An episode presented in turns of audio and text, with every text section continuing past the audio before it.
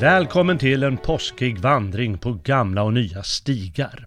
Har du blåst ut äggens innehåll ur skalen så att de kan bemålas? Har du plockat riset så att du kan smiska din käresta? Har du målat kors på dörren så att påskhäxorna håller sig lugna? Har du fångat en hare så att du kan tillgodogöra dig lite fruktbarhet? Har du fångat strömming eller kabeljo för att ha fastemat på fredagen? Om inte så är det dags att sätta igång eftersom påskveckan redan har satt igång. Ifall internetgudarna är med oss så är det här avsnittet nämligen ute i den digitala eten på tisdagen i påskveckan. Se det som lite inspiration om du vill, eller varför inte avnjuta det i samband med lite påskäggsmåleri. Om påsken redan är förbi när du hör det här, ja, då får du väl lyssna på det för skojs skull. Och det går ju lika bra. Allt måste ju inte vara till nytta här i världen. All konst är absolut onyttig, säger Oscar Wilde i början av romanen Dorian Grays porträtt. Hur som helst, med mig på stigarna den här gången har jag ingen mindre än Jalle Horn! Välkommen Jalle! Åh, tack så mycket! Trevligt att få vandra med dig Jalle. Hur står det till själv då? Jo tack, det är alldeles utmärkt, men eh, du, jag undrar en sak. Ska vi kanske lugna ner oss med den här schizofrena tagningen? Jo, men det låter som en mycket bra idé. Mm. Som ni hör var det ingen annan än jag själv och du förstås kära lyssnare som kunde vandra med den här gången. Men vad gör det? Ensam är stark. Med det sagt, nu kör vi igång. Always look on the bright side of life Always look on the light side of life If life seems jolly rotten, there's something you've forgotten, and that's to laugh and smile and dance and sing. When you're feeling in the dumps, don't be silly chumps. Just purse your lips and whistle, that's the thing.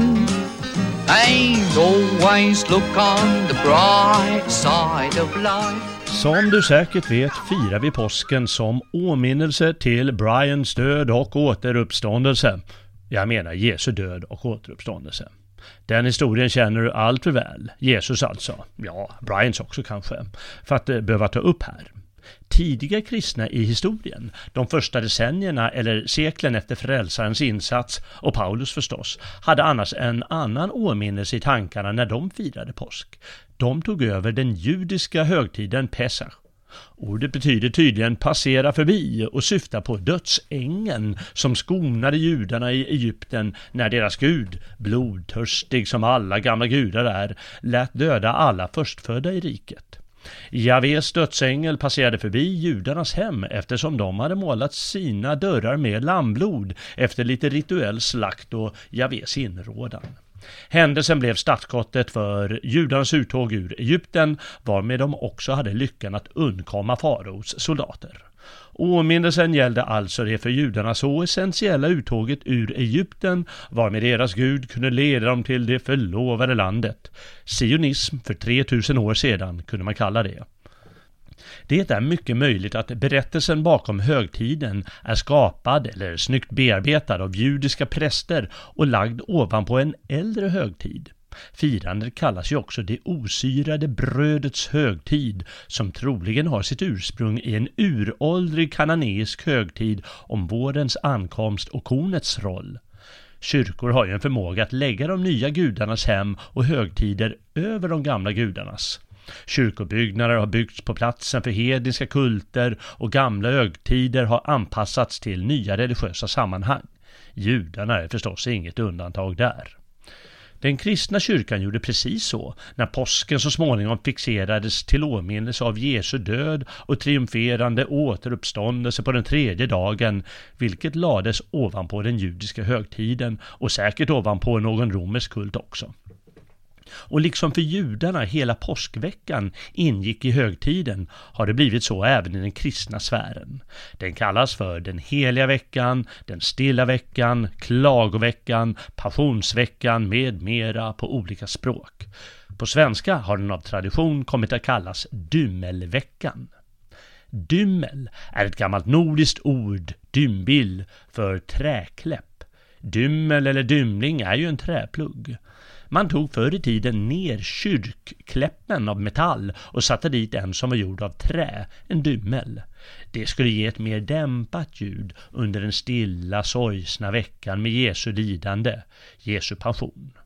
Senast på onsdagen i påskveckan skulle detta göras, på dymmelonsdagen. Men det var inte allt, kanske inte ens det viktigaste. Stålet, Kläppen alltså på sitt sätt skulle istället i jorden i dubbel bemärkelse. Orden skulle nu när våren kom börja ploga upp jorden. Men stålet användes också för att ge utsädet magisk kraft. Man lade ner stålet från kläppen eh, innan, eh, i sädet innan det gick i jorden nu under våren. Därmed skulle trollen inte få makt att stjäla sädeskornen. Vi märker här av urgamla seder, ja till och med på orden alltså. Även på våra breddgrader har den kristna kyrkan förstås övertagit gamla seder och kulter. Mm. Påsktiden är säkert inget undantag från den regeln. Den engelska munken Beda Venerabilis, som på 700-talet skrev bland annat en bok om det tidiga Englands historia, påstår att landets hedningar, de germanska anglerna och saxarna och kanske även de tidiga kelterna, tillbad en gudinna vid namn Eostre och höll en högtid till hennes ära på våren i Ostermånad, Oesters månad. Ostermonad has a name which is now translated Paschal month, and with which was once called after a goddess of theirs named Eostre, in whose honor feasts were celebrated in that month. Now they designate the Paschal season by her name, calling the joys of the new rite by the time-honored name of the old observance. Så säger Veda. Beda menar jag. Påsk heter ju Easter på engelska och Åsten på tyska. På svenska skulle gudinnan således heta Ostara, eller Ostara, vad vet jag. Hon skulle, menar vissa, ha ett samband med romarnas Aurora och grekernas Eos, morgonrodnadens och alltså gryningstimmans gudinna. Så här låter det på ett ställe i Odysseen, berättelsen om Odysseus hemfärd från det trojanska kriget. När vi passerat Okeanos ström med skeppet och åter över ett vida hav på ändlösa vågor nått till Ajajes ö där Helios stiger och Eos, född i gryningen, har sitt palats där ljusstrålar dansar löpte vi in och drog upp våra fartyg på sandiga dyner och gick så själva i land där vågorna bryts sig mot stranden. Genast lade vi oss att sova i väntan på dagen. Tidigt när morgonen kom med den rosenfingrade Eos skickade jag till Kirkes slott ett par av mitt manskap och så vidare. Nu tror förvisso många forskare att Beda lika gärna kan ha hittat på den där påskgudinnan. Det finns inga belägg för hennes existens i andra källor och det var inte ovanligt att medeltidsmunkarna hittade på hedniska historier som skulle låta löjliga eller berättade hur hedningar gärna blev kristna och glömde bort sina gamla gudar och gudinnor. Detaljen om påskgudinnan spelar faktiskt mindre roll. Det låter förvisso underbart med denna Eostre, men oavsett statusen av hennes existens har det självklart funnits hedniska kulter i de germanska och keltiska länderna kring påsketiden som kyrkan har så att säga kristifierat. Tyvärr är vi mycket dåligt informerade hur det har gått till, eftersom det finns så få källor om de norröna kulterna. De gamla grekiska och romerska kulterna och riterna har vi betydligt mer kunskap om, så där kan vi skapa oss en någorlunda klar uppfattning om hur kristendomen trängde undan de hedniska religionerna. Givetvis kan vi därigenom sluta oss till att samma sak hände oss hos oss i norr, bara inte hur detta har gått till. För min del är det dock uppenbart att den vördnadsvärda Beda talade sanning om Ostara. En fruktbarhetsgudinna av säkert mycket skrämmande art. Vi vet ju att påskkärringar härjar vid den här tiden om året. Eller hur?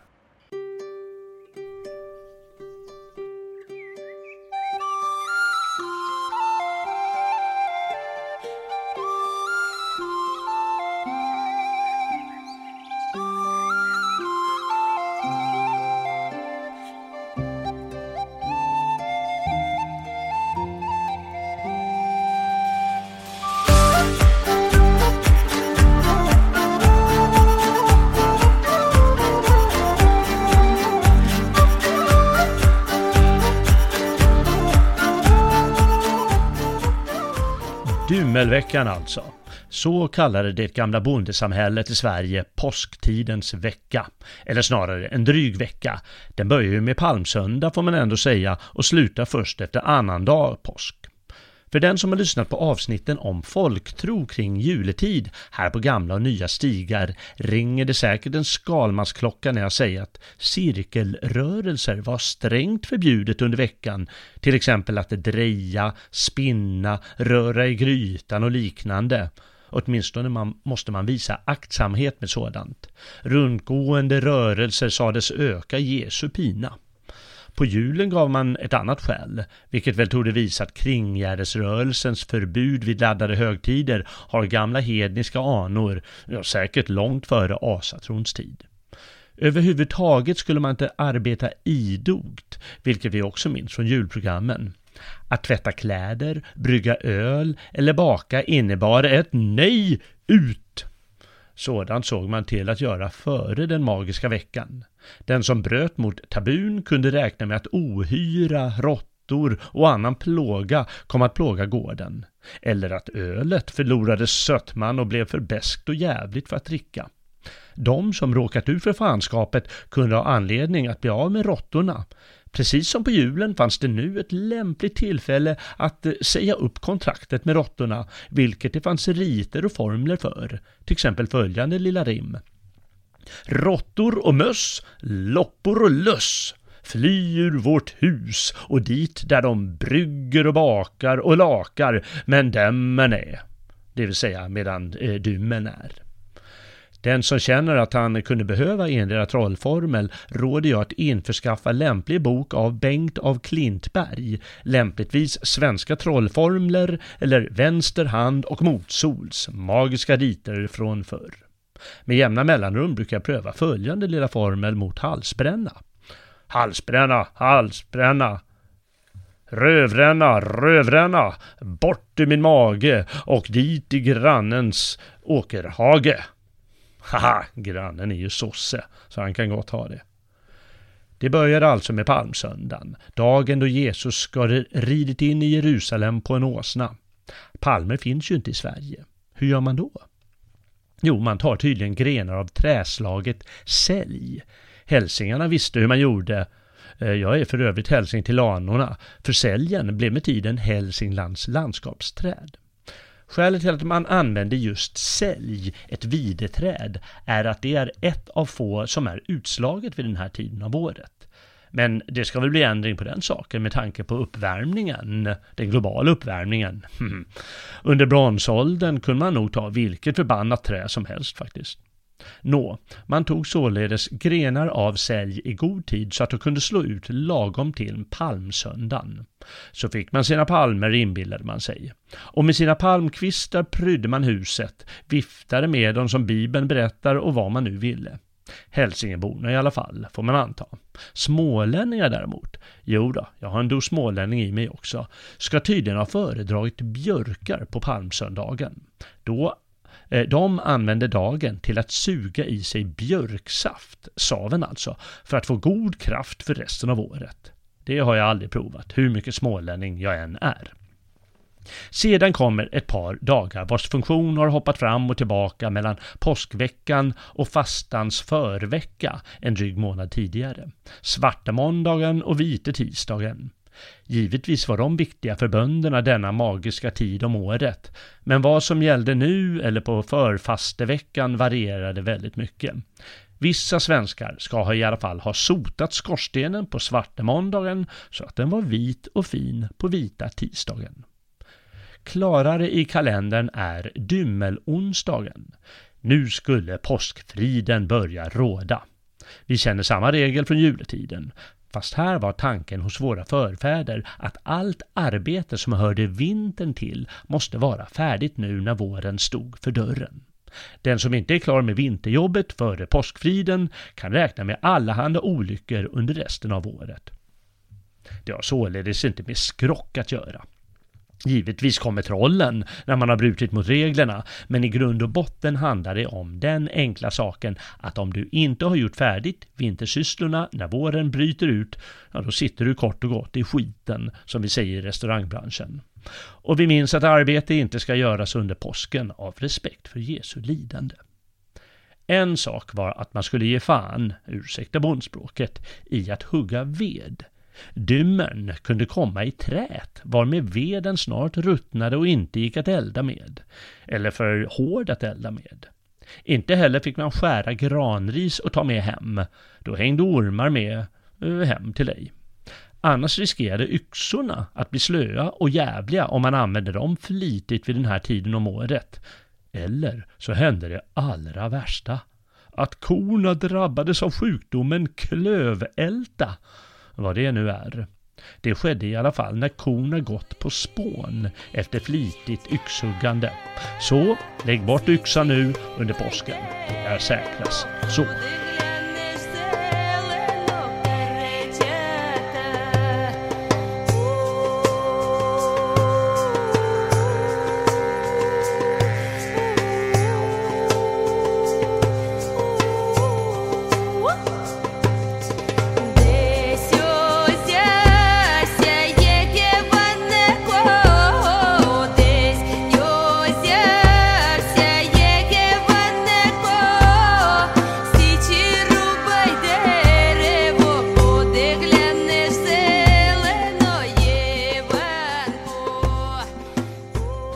Så kommer vi äntligen till höjdpunkten.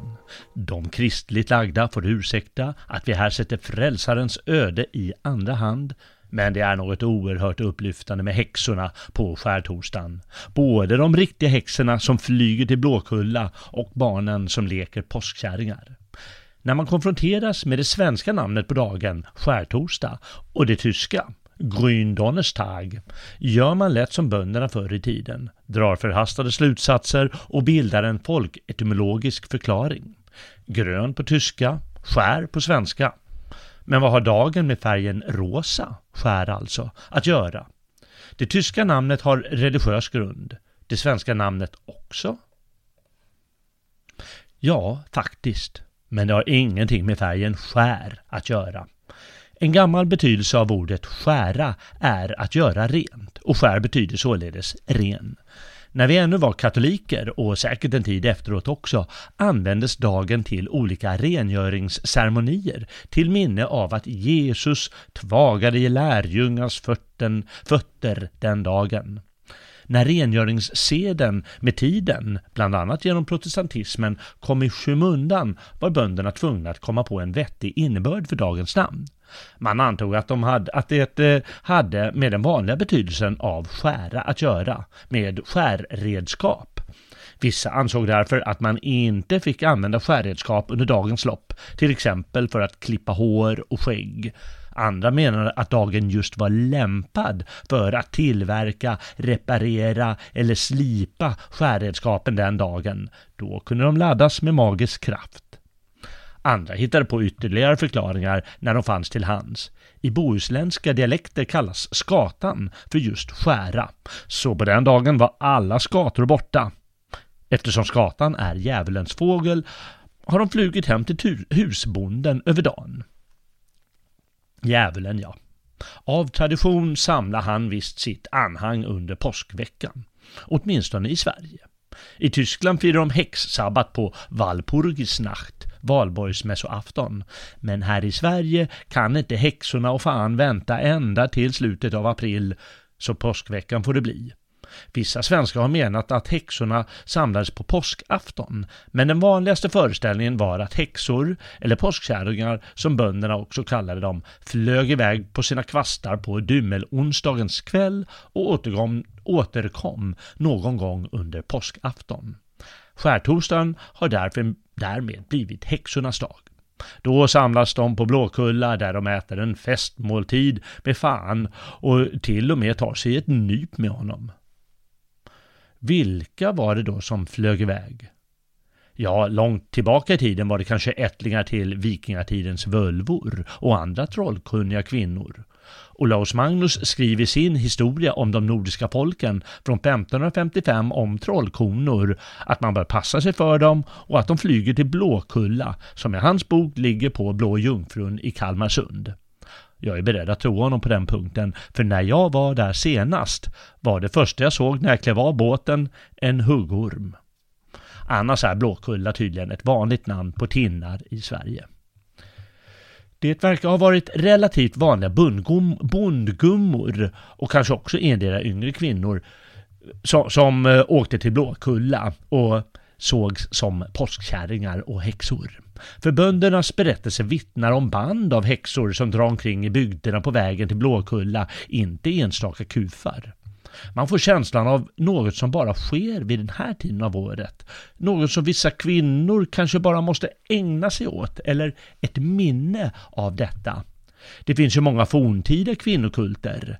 De grekiska kvinnor som deltog i en Dionysoskult kallades bakantinnor, följeslagare av Dionysos eller Bacchus. De drog en gång om året iväg från byn eller staden till skogs och upp i bergen där de ägnade sig åt hemliga riter. Mm, de åt bland annat rått kött. Kanske har våra påskkärringar ett liknande ursprung. I Norden är ju gudinnan Freja en god förebild för alla häxor och hon hade givetvis trollkunniga trollkonor bland sina dyrkare. Människor har alltid varit både rädda och respektfulla för trolldom, järtecken, spåkonst och dylikt. En lag så sent som 1734 visar att man, även laggivare alltså, uppenbarligen trodde på trollkonster så sent som 1700-talet. Män som bringar andra om livet med trolldom ska steglas, står det, medan kvinnor ska halshuggas. 50 år tidigare bedrevs de ökända häxprocesserna i 10 års tid, vilket resulterade i att cirka 250 människor avrättades. Först Gustav III avskaffade dödsstraff för trollkonst efter hårt motstånd från framförallt präster. Häxkonst var kort och gott en självklar del av verkligheten i bondesamhällets dagar. Huruvida häxorna verkligen flög på kvasten till Blåkulla för en fest med djävulen själv låter vi här vara osagt. För bönderna gällde det i alla fall att visa lämplig respekt för häxorna och vidta åtgärder för att skydda sig och gården, särskilt under påsktiden då världen var mer laddad och magisk än normalt. De var givetvis rädda att grödan eller djuren skulle skadas av häxorna.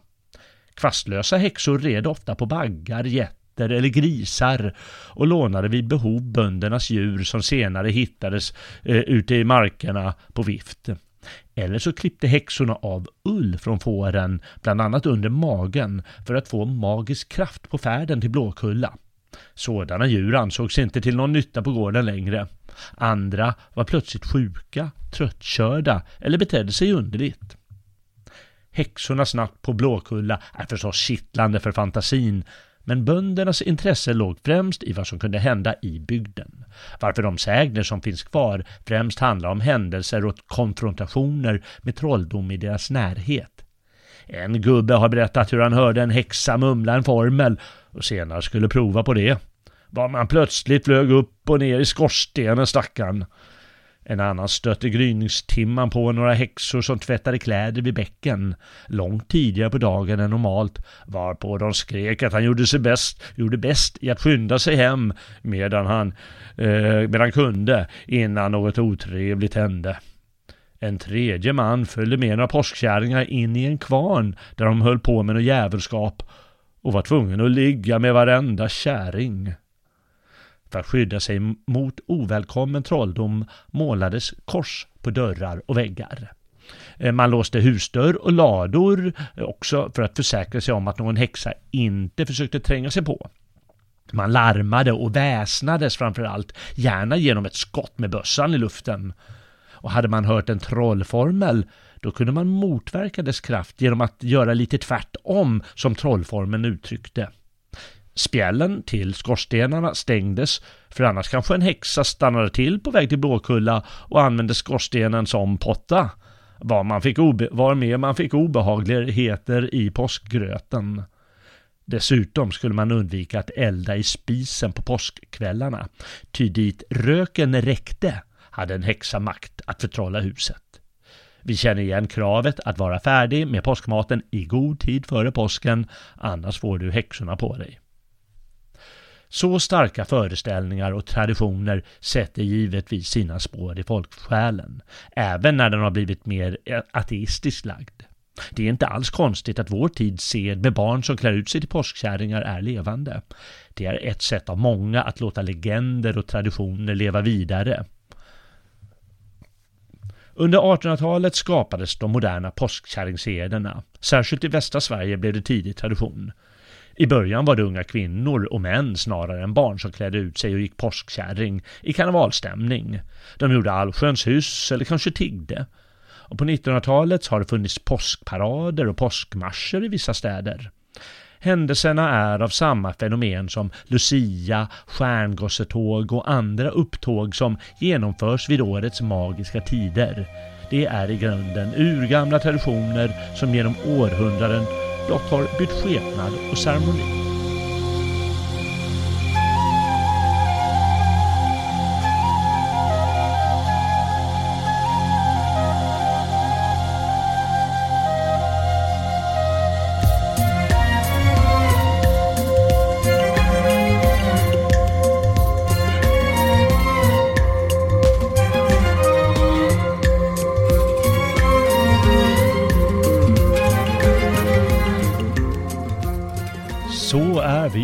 Framme vid påskveckans huvudattraktioner, eller vad man ska kalla det. Bortser vi från den religiösa dimensionen med dess särskilda ceremonier, gudstjänster och dylikt var det verkligen en stor händelse i bondesamhället. Inte minst för att den 40 dagar långa fastan äntligen led mot sitt slut och människor tilläts äta kött och ägg igen, vilket skedde på påskdagen eller sent på påskafton. Men det också, hände också andra spännande saker. Långfredag såg vi länge som en stillhetens och långtråkighetens dag. I flera decennier på 1900-talet fick nöjesinrättningar inte ha öppet och vi skulle sitta hemma och ha tråkigt, lida med Jesus på korset. Även om vi levde i en ateistisk familj var det så. Traditionens kraft är urstark nämligen. Nu har samhället blivit hyperateistiskt och allting tillåts, i synnerhet på långfredagen verkar det som. Jag minns hur jag väntade på bussen i Stockholm för tio år sedan. Ett Coop låg vid busshållplatsen och de skyltade med att de på just långfredag minsann hade öppet en timme längre än normalt, till klockan 23 eller 24. Det måste ha varit en medveten gest mot de kristna och mot traditionen, för inte var det väl fler människor som handlade då. Vilka idioter. Samtidigt är det så att långfredagen faktiskt inte var den långtråkighetens dag i bondesamhället, hur kristna de än var på den tiden. Då ägnade sig svenska bönder åt en sed som förekommer i hela Europa, fast vid olika tidpunkter på året. Svenskarna kallade det påskskräcka, åtminstone i delar av landet. Egentligen borde det väl ha hetat påskräcka, eftersom ordet räcka i vissa dialekter betyder spö eller vidja.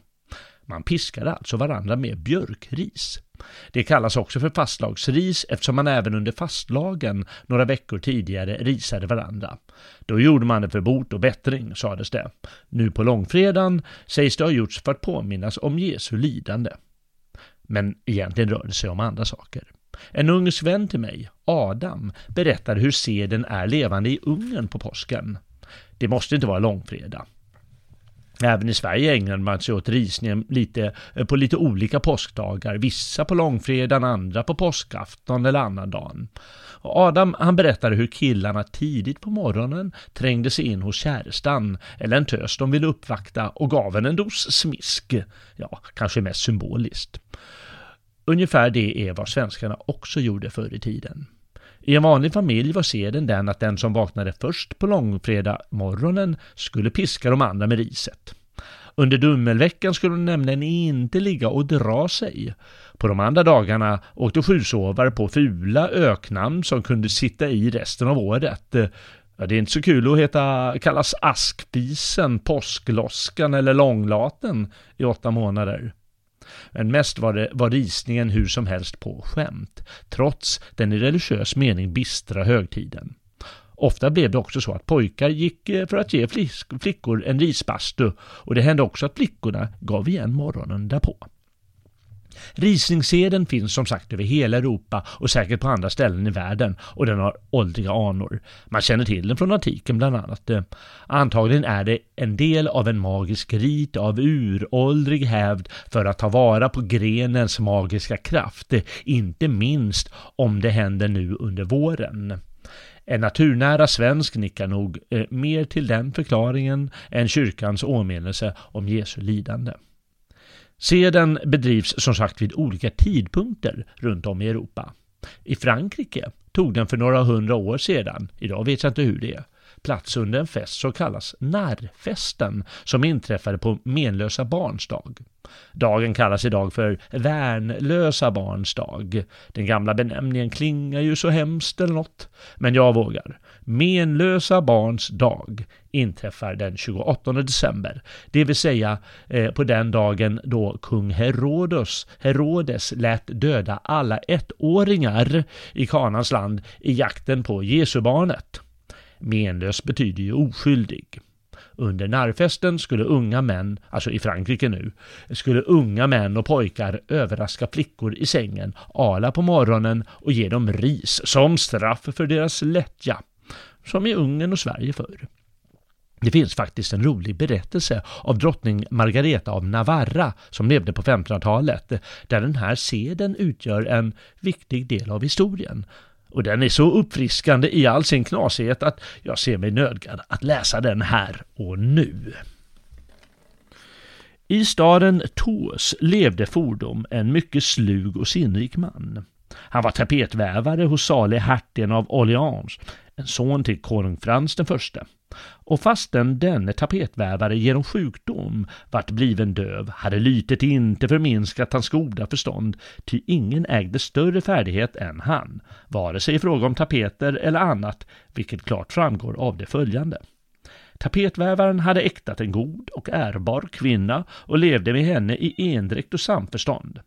Han var mycket rädd för att misshaga hustrun och hon å sin sida gjorde allt hon kunde för att vara sin man till lags. Men trots deras goda förhållande var han så givmild att han ofta skänkte grannkvinnorna det som tillhörde henne, ehuru det skedde i största hemlighet. De hade i sitt hus en den allra täckaste kammartärna och tapetvävaren vart förälskad i flickan. Men för att hustrun inte skulle uppdaga hans ömma känslor låtsades han ofta banna och tillrättavisa kammartärnan och sa att hon var den lataste piga han sett i sitt liv. Något som ingalunda förvånade honom eftersom matmodern aldrig agat henne och en dag när de samspråkade om den risbastu som vissa personer får vidkännas på menlösa barns dag yttrade tapetvävaren Det vore sannerligen en god gärning att eh, prygla din lata piga men borde inte ske med din hand, ty den är alltför svag och eh, ditt hjärta alltför misskunnsamt. Om däremot jag skulle sköta förrättningen bleve vi säkert bättre betjänta framdeles. Den stackars hustrun som inte hyste några misstankar bad mannen utföra bestraffningen och medgav att hon varken hade hjärta eller krafter att aga pigan. Mannen tog gärna saken om hand och gick tillväga som en skoningslös bödel, köpte de smidigaste spön han kunde finna och blötlade dem i saltlake för att visa hur ivrig han var att inte skona flickan.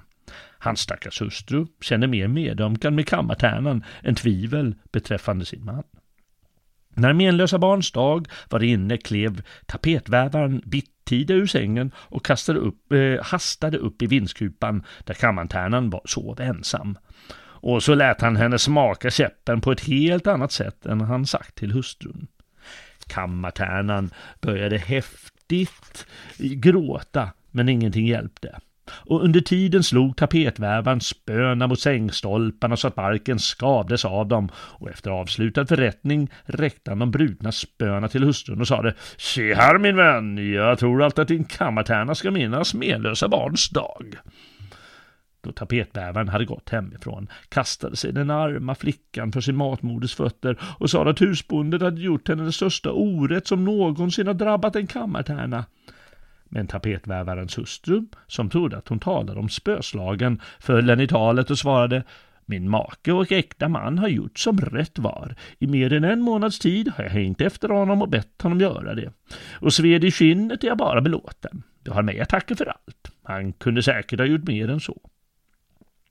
När kammartärnan hörde sin matmoder prisa mannens handlingssätt tänkte hon inom sig att synden kanske inte var så stor som hon dittills hade trott, eftersom en kvinna med bästa rykte hade föranlett den. Hon vågade aldrig mer föra saken på tal. Och mäster, som såg hustrun lika belåten eh, över att ha blivit bedragen som han eh, över att kunna bedraga henne, beslöt att ofta glädja sin äkta maka. Han vann så väl kammartärnan för sina syften att hon inte längre grät när han gav henne menlösa barn. Och han fortsatte behandlingen i långa tider utan att hustrun märkte det minsta, ja, ända till vintersnön började falla. Tapetvävaren, som hade låtit flickan smaka på käppen i trädgårdens gräs, ville giva henne samma upptuktelse i snön, och en morgon, medan hela huset sov, drog han med sig kammartärnan i bara särken och lade krucifix på drivan. De lekte snöbollskrig av hjärtans lust, men glömde ingalunda menlösa barns lekar. Nu hände det att en grannkvinna ville titta på vädret och öppnade sitt fönster som vette rakt ut mot tapetvävarens trädgård. När hon fick syn på de skamlösa lekarna där nere blev hon så förbittrad att hon genast beslöt att varna sin väninna så att denna inte skulle låta sig bedragas av en dålig äkta man och betjänas av en otuktig slinka. Efter utfört värv såg sig tapetvärmaren omkring, säker på att ingen hade sett dem, och då upptäckte han grannkvinnan i fönstret och vart mycket illa till mods. Men som han kunde färglägga vilken som helst tapet trodde han sig kunna framställa även denna sak i en så vacker dager att grannflick, grannkvinnan skulle bli lika lurad som hustrun hade blivit. Så fort han hade lagt sig i sängen igen väckte han sin hustru, tog henne med sig ut i trädgården i bara särken, precis som kammartärnan, lekte länge med henne i snön och gav henne slutligen menlösa barn, som han hade gjort med den andra. Så återvände de till sin äktenskapliga säng. När tapetvävarens hustru senare på dagen gick i mässan var hennes väninna och goda granne redan där. I sin stora nitälskan för dygden började grannkvinnan tala om hennes kammartärna och uppmanade henne att genast köra flickan på porten eftersom det var en slinka av värsta slag. Mer ville hon inte säga.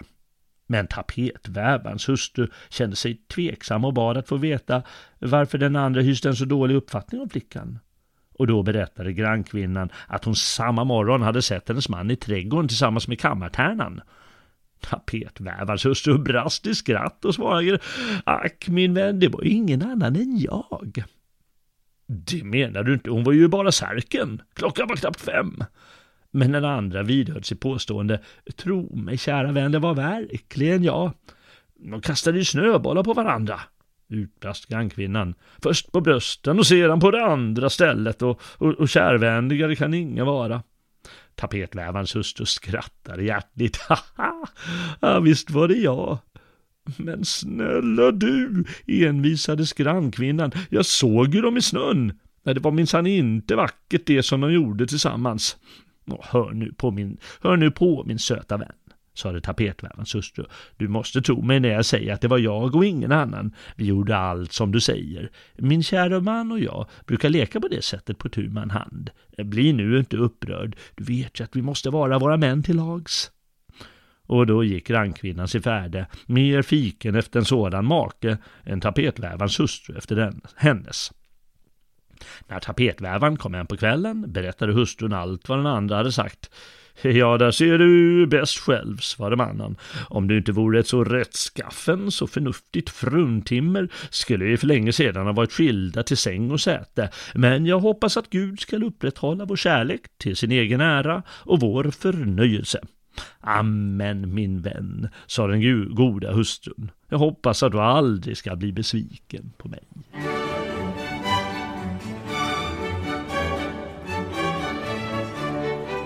아.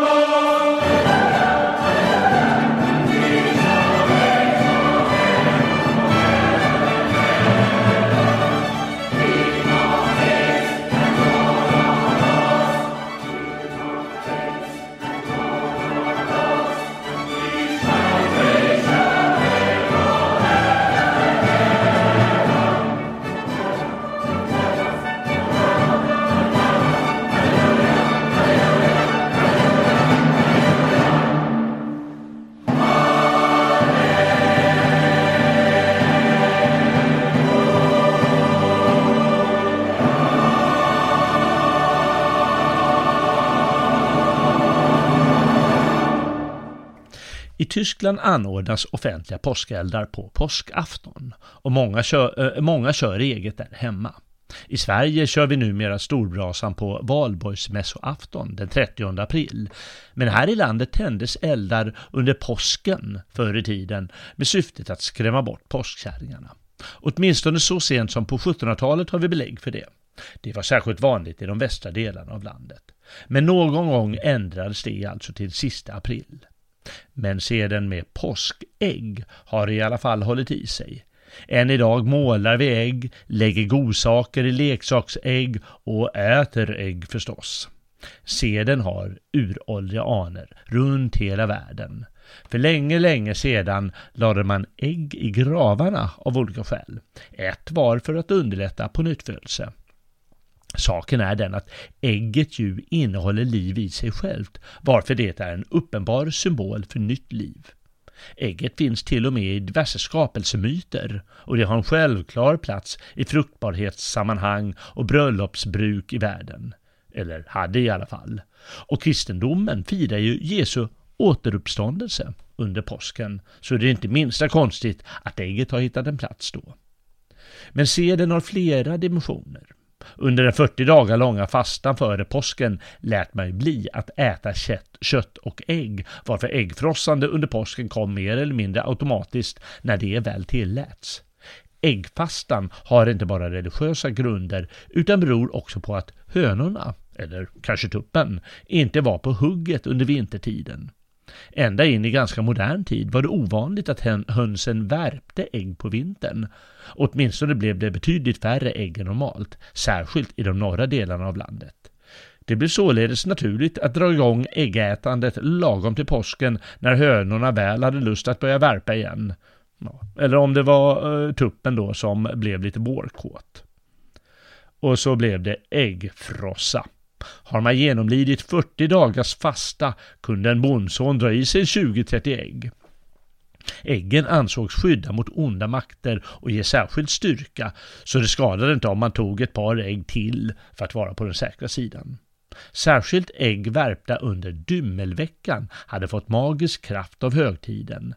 Men än i våra dagar finns det de som frossar i ägg. Vissa rent av ofrivilligt. En bekant till mig tvingades genom frugans tjat att åka på skidsemester, ja, kanske var det på påsklovet, och för, ja, till Norge. Och förförad, förfärad över de ohyggliga priserna i Norge. En skidlunch för två vuxna och tre barn går väl loss på ett par tusingar.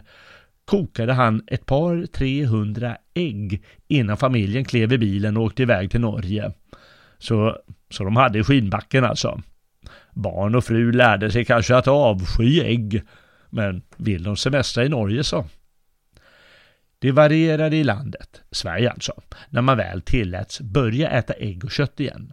Klockan 18.00 på påskafton var det vanligaste.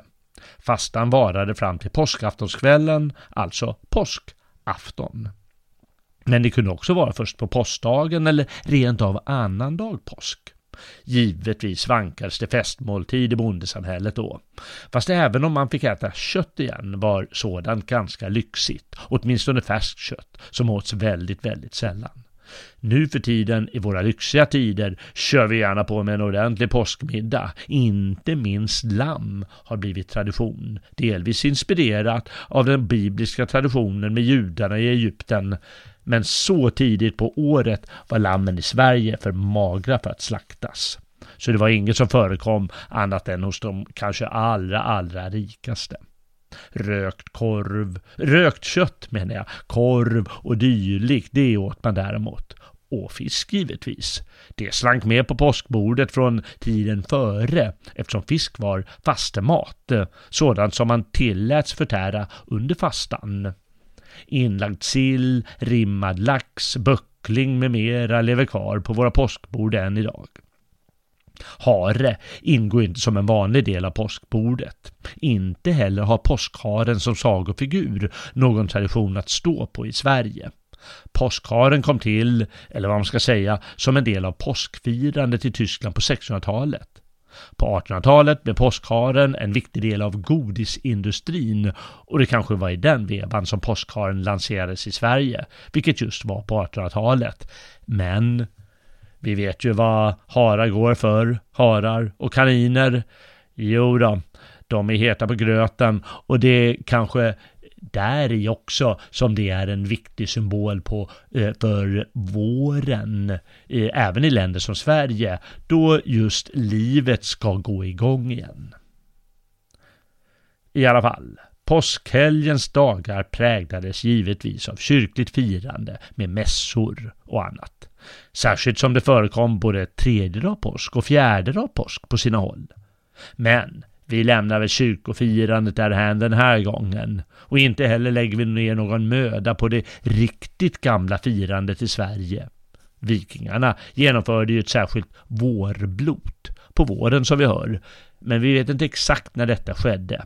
Ja, tyvärr vet vi väldigt lite om de gamla ceremonier, kulter, riter med mera här uppe i norr.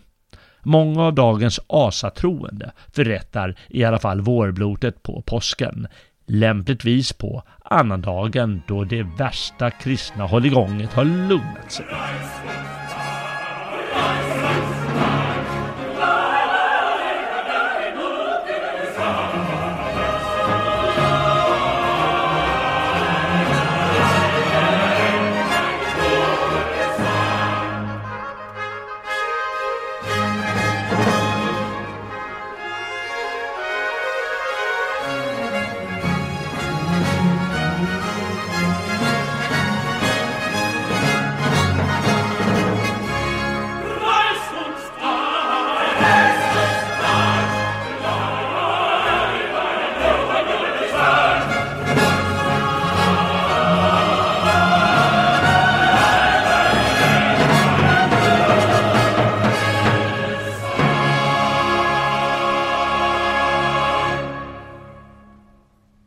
Med avslutningstonerna från Johann Sebastian Bachs påskoratorium är det väl passande att avsluta vår vandring om påskveckan på bönders sätt. Har du inte redan satt igång så är det god tid att börja förberedelserna inför påskhelgens begivenheter nu. Och glöm för all del inte att stänga spjället där hemma så att du inte får häxpink i påskgrytan. Tack för att du har vandrat med på gamla och nya stigar bland gamla hedliga svenska bönder. Om du gillar vad du har hört får du gärna stödja oss på Svegot som sänder sådana här program om svensk och europeisk kultur, om dagsfärsk politik, om PK-befriade sportkommentarer, om tankar kring traditionellt levande och en hel del annat. Gå in på svegot.se och klicka på stödprenumeration eller donera för att ge ditt bidrag. Om du vill, ty det är frivilligt fast stödprenumeranter åtnjuter särskilda bonuspoddar för sitt återkommande stöd. Stort tack till er stödprenumeranter! Nästa vandring här på stigarna för oss ända bort till Indien och flera årtusenden tillbaka i tiden. Där och då skapade arierna, de indiska avstickarna av de indoeuropeiska folken, storslagna berättelser och tankar. Den största av alla dessa berättelser var Mahabharata, var i den filosofiska och religiösa traktaten Bhagavad Gita ingår. Jag och Lennart Svensson ska ta en titt på detta mäktiga verk, förvisso skapat utanför Europa, men ändå en del av indoeuropeisk tradition. Jag utlovar mycket spännande berättelser och stor visdom för den som ids vandra med på det äventyret. Väl mött, Frände.